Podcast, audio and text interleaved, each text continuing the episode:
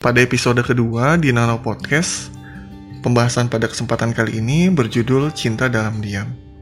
Nama gue Andi dan selamat datang di Nano Podcast. Sebelumnya gue ucapkan terima kasih kepada teman-teman yang sudah support channel ini dan yang sudah support di Instagramnya Nano Podcast di nanopod77. Banyak banget komen dan DM yang masuk.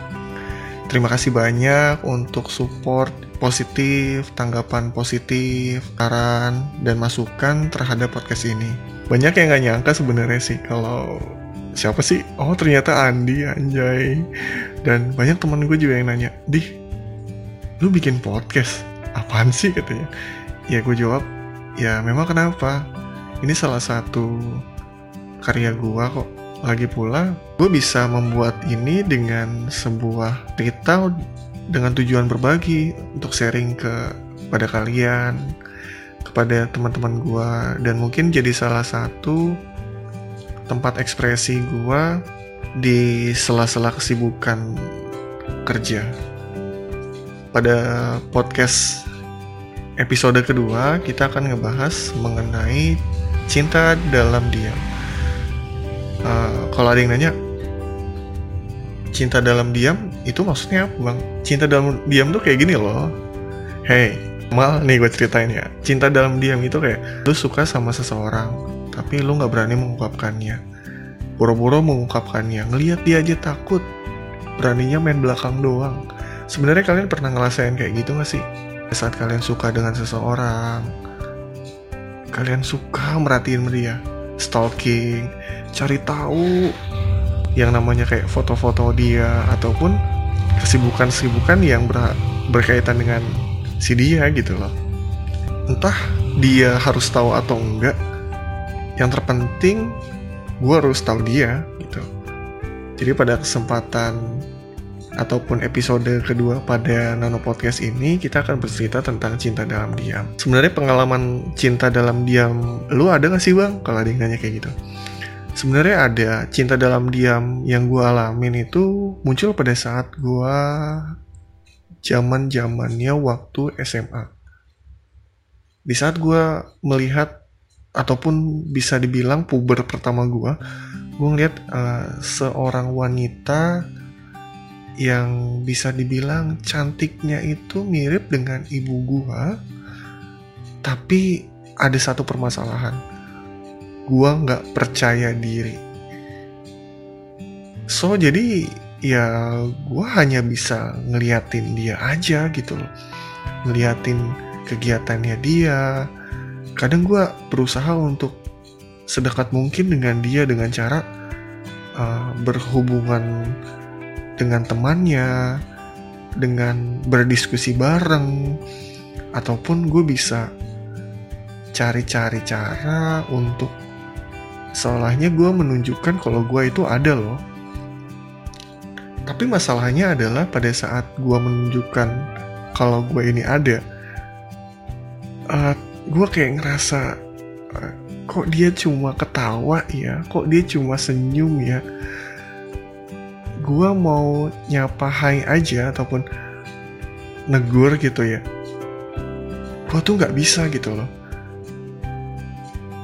bagaimana caranya gue bisa berhubungan atau enggak berkomunikasi dengan dia tapi di saat itu gue nggak punya kepercayaan diri gitu kalian pernah ataupun mungkin saat ini sedang merasakan seperti itu cinta dalam diam itu sebenarnya nggak enak banget.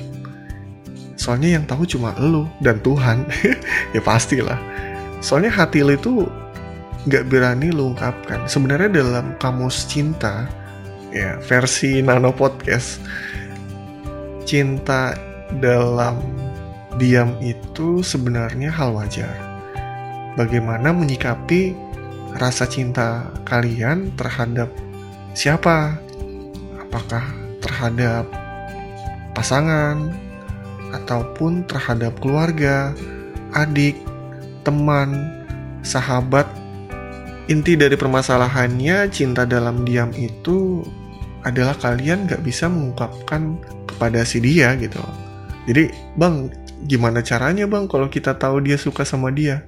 ya gue juga bingung sih kalau pertanyaan lo kayak gitu tapi kebanyakan cewek ataupun menurut gue apabila dia suka sama lo pasti dia akan memberikan sebuah kode-kode entah kode dalam bentuk percakapan yang seru ataupun percakapan yang tidak putus-putus kemudian bisa juga kode dalam bentuk dia memperhatikan ataupun melakukan cinta dalam diam juga. Lah, kalau dua-duanya sama sama cinta dalam diam, terus diam-diaman dong bang? Ya iyalah, mau gimana coba? Kalian sama-sama di ibaratnya ini kayak lu diem, dia diem. Terus, lu kebayang gak sih kalau dua-duanya diem gitu tiba-tiba mau ngomong, anjing, uh, gimana ya? Menurut menurut gua adalah sesuatu yang wajar dalam tahap PDKT.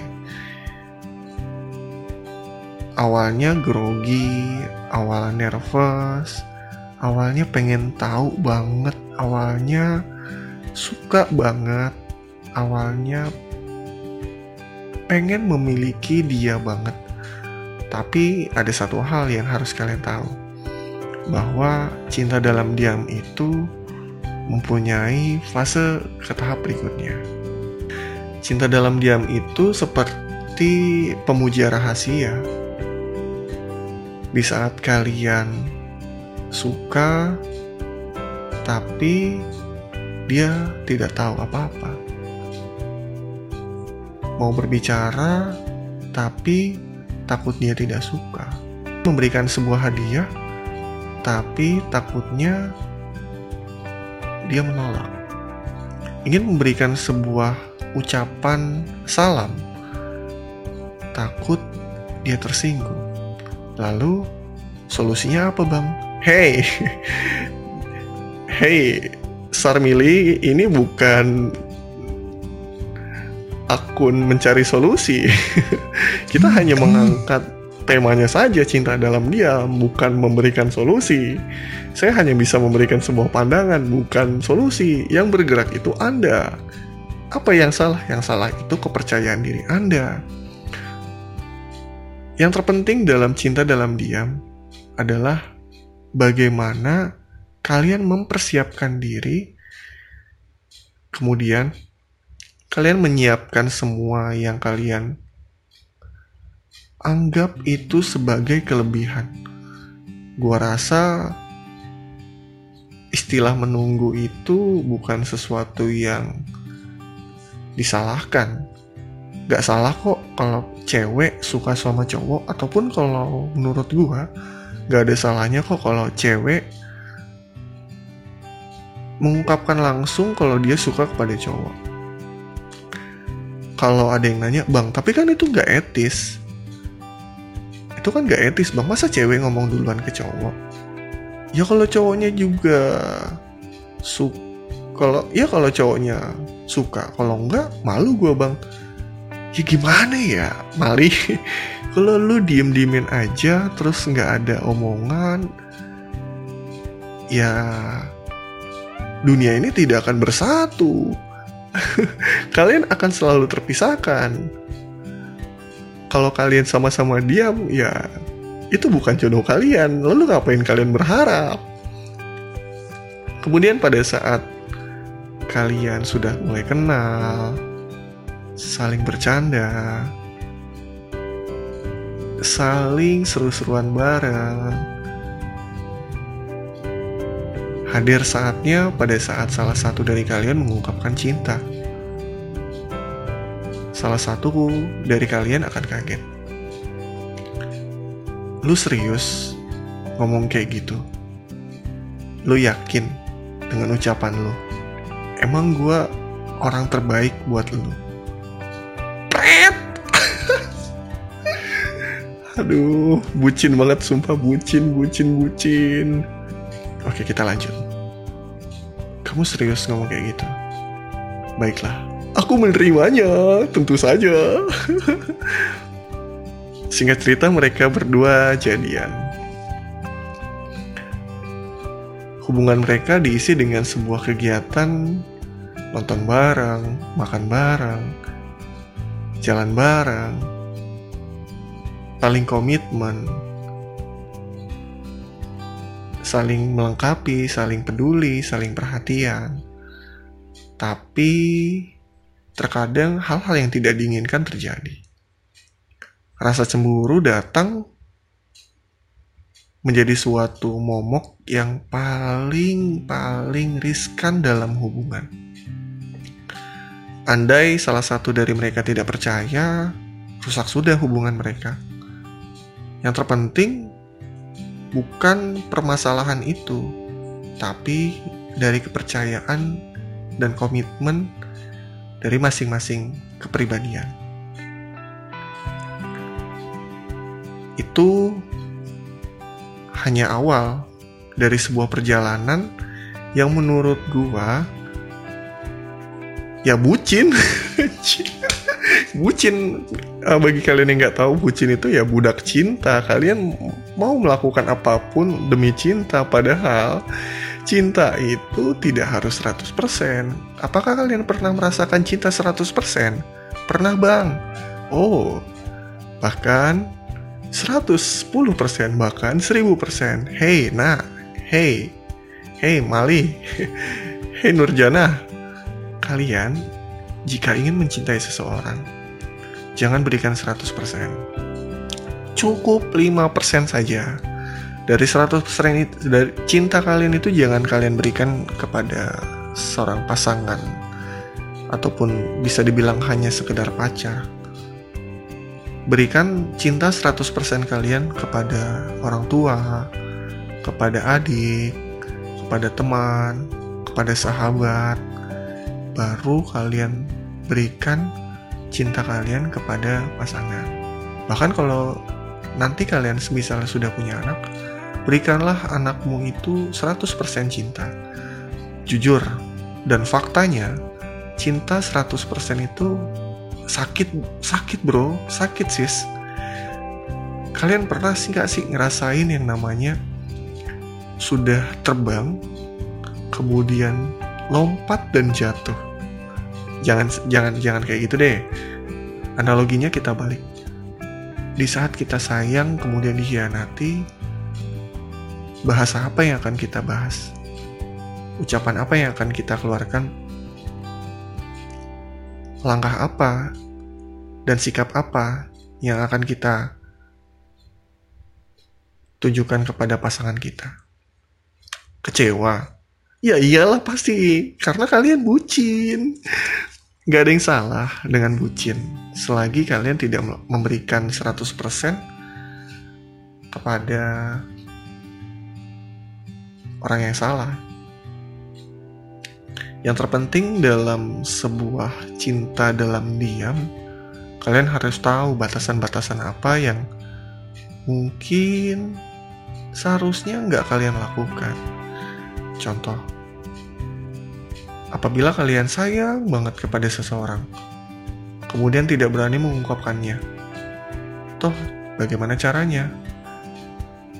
Sebuah kiasan ataupun pembahasan ringan dari inti konten kita pada episode kedua mengenai cinta dalam diam.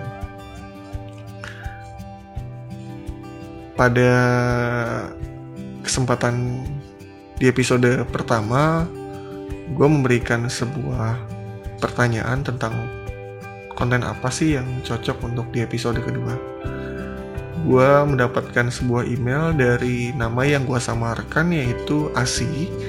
Dia mengirimkan sebuah cerita bahkan ada tiga tiga tiga cerpen kayaknya. Ceritanya bagus, sangat memotivasi dan bisa diambil hikmahnya. Sebenarnya ceritanya lebih ke patah hati kayaknya nih. Tapi sebelumnya izinkan gue untuk membacakannya berjudul Kebaikan Dibalas Pengkhianatan. Oh, jadi ada beberapa fase di mana cerita ini diceritakan oleh Asi. Dari fase pendekatan, menyatakan cinta, posesif, uh, ada kedekatan hubungan, ada fase balikan, kemudian ada motivasi belajar, ada wah banyak banget ini. Mungkin ada beberapa, mungkin hanya beberapa yang akan kita bacakan. Baik, cerita ini dimulai pada bulan Juli 2011 di mana pertama kali gue masuk SMA dengan seragam culun ala-ala anak ospek. Oh, berarti oh berarti ini orang uh, berarti ospek nih. Kalau dulu gue nggak langsung sekolah bung. Jalur akselerasi. Ya. Cerita ini dimulai pada Juli 2011, bulan di mana pertama kali gue masuk SMA dengan seragam culun-culun ala anak ospek. Saat itu gue nggak menyangka kejadian itu akan terjadi gue melihat seorang siswa culun dengan seragam rapih dan sepatu agak kegedean dikit. Terlihat cuek, tapi kalau dilihat-lihat ganteng juga sih. Ex, ex mantan pacar. Yang sekarang mantan pacar. Ternyata dia adalah senior tingkat gue pada saat gue sekolah di SMA. Siswa culun itu sering kulihat rajin sholat, rajin ibadah, aktif dan inisiatif. Keaktifannya di sekolah menjadikan dia ketua di eskul perpustakaan yang makin membuat gue tertarik kepada kepada dia, terutama hobi kita yang sama-sama suka baca buku. Perkenalan singkat pun terjadi. Fase PDKT, kami jalani selama tiga bulan melalui komunikasi lewat SMS. Wah, anjir, jadul juga ya dulu. Oh iya, dulu mah SMS pak, nggak ada WhatsApp.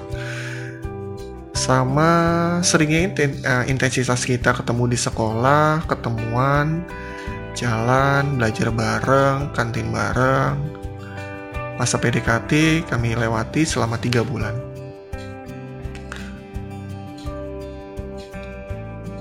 Sepulang sekolah,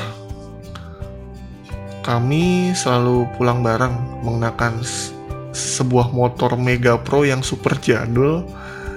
Bahkan gue kadang suka apa nih? Oke. Okay. Kemudian di saat itu gue seperti merasakan cinta pertama. Bahkan gue seperti mimpi dan bertanya, "Ya Tuhan, Terima kasih telah memberikan perasaan cinta di usia belia pada saat gue umur 16 tahun. Pertama kali kami ngedate ataupun jalan yaitu adalah di KFC Johnson di dekat toko buku Gramedia untuk nonton bioskop gue ini. Ini hal-hal mainstream ini. Jalan pertama sih cowok akan ngomong, kita nonton aja ya, asai di salah satu mall yang ada di Tangerang. Cowok ini berhasil membuat hati gua kasmaran pada saat remaja. Oh maaf maaf, oh ternyata nah, mereka itu belum jadian.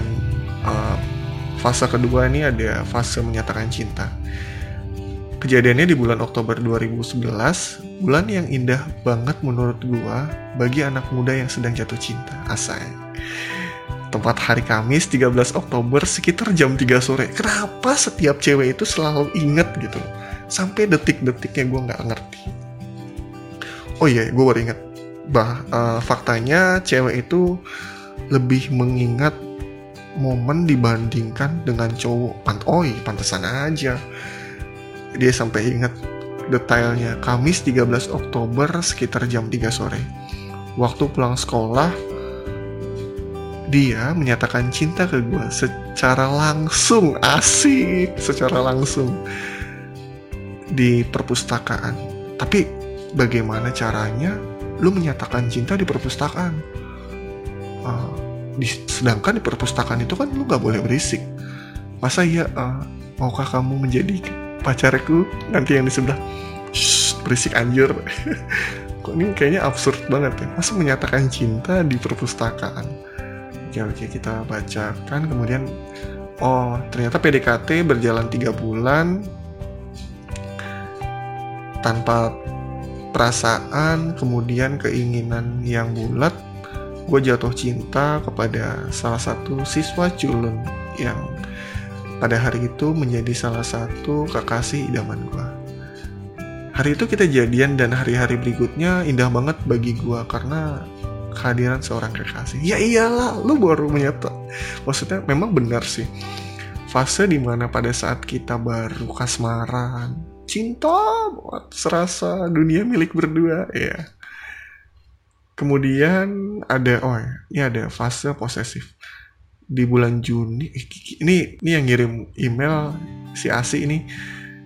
Inget banget parah sampai bulannya po inget Juni 2012. Oh my god, yakin nih gue harus masa gue nggak yakin nih kalau dia mengizinkan ceritanya dibacain di podcast gue. Gue put gue diputusin mantan oh, maaf. Gue diputusin mantan lewat SMS what? Gila gue nggak ngerti deh. Terkadang memang se secowok itu bisa dibilang aneh sih. Menyatakan cinta secara langsung tapi memutuskan hubungan lewat SMS kenapa nggak telepon aja? Sebenarnya ini gue rasa kayak ada permasalahan-permasalahan sepele sih. Oke kita lanjut ke cerita. Di tulisannya gue nggak boleh punya temen lawan jenis akhir uh, karena gue fokus okay, fokus kemudian kami lost contact selama 2-3 bulan pada Januari 2013 oh, sekitar 2-3 bulan kemudian kita yang sama-sama masih sendiri mulai komunikasi lagi dan sering ketemu.